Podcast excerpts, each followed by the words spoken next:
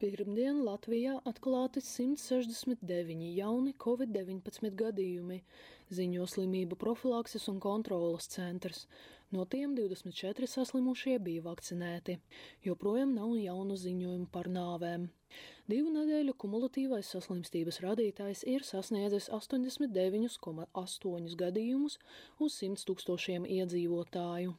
Savukārt slimnīcās ārstējas 98 pacienti ar covid-19, no kuriem 23 ir stacionēti pirmdien. Ja vakcinēts cilvēks saslimst ar covid-19, viņa vakcinācijas certifikāts tiks apturēts uz 11 dienām, lēma valdība. Īsu pašizolācijas termiņu veselības ministrija skaidro ar to, ka vakcinētie slimo ļoti viegli vai bez simptomiem un ir mazāk infekciozi.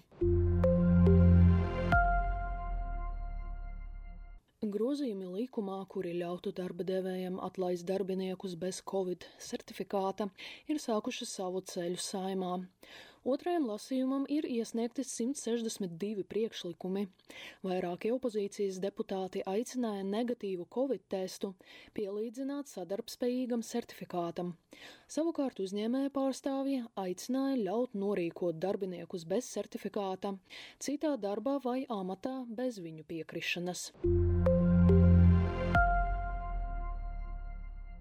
Tikmēr saimas deputāti varēs piedalīties klātienes sēdēs ar negatīvu covid testa rezultātu, ziņo Leta.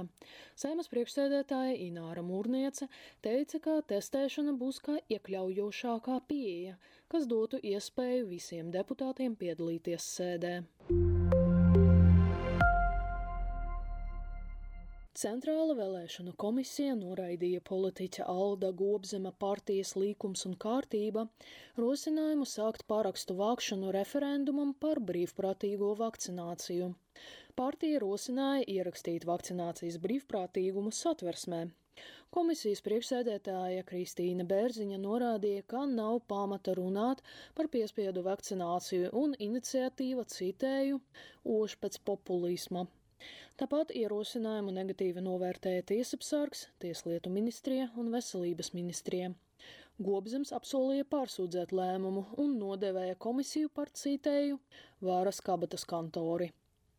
Covid-19 dienas apskatu sagatavoja Ksenija Kaļesnikova, portāls Delfi.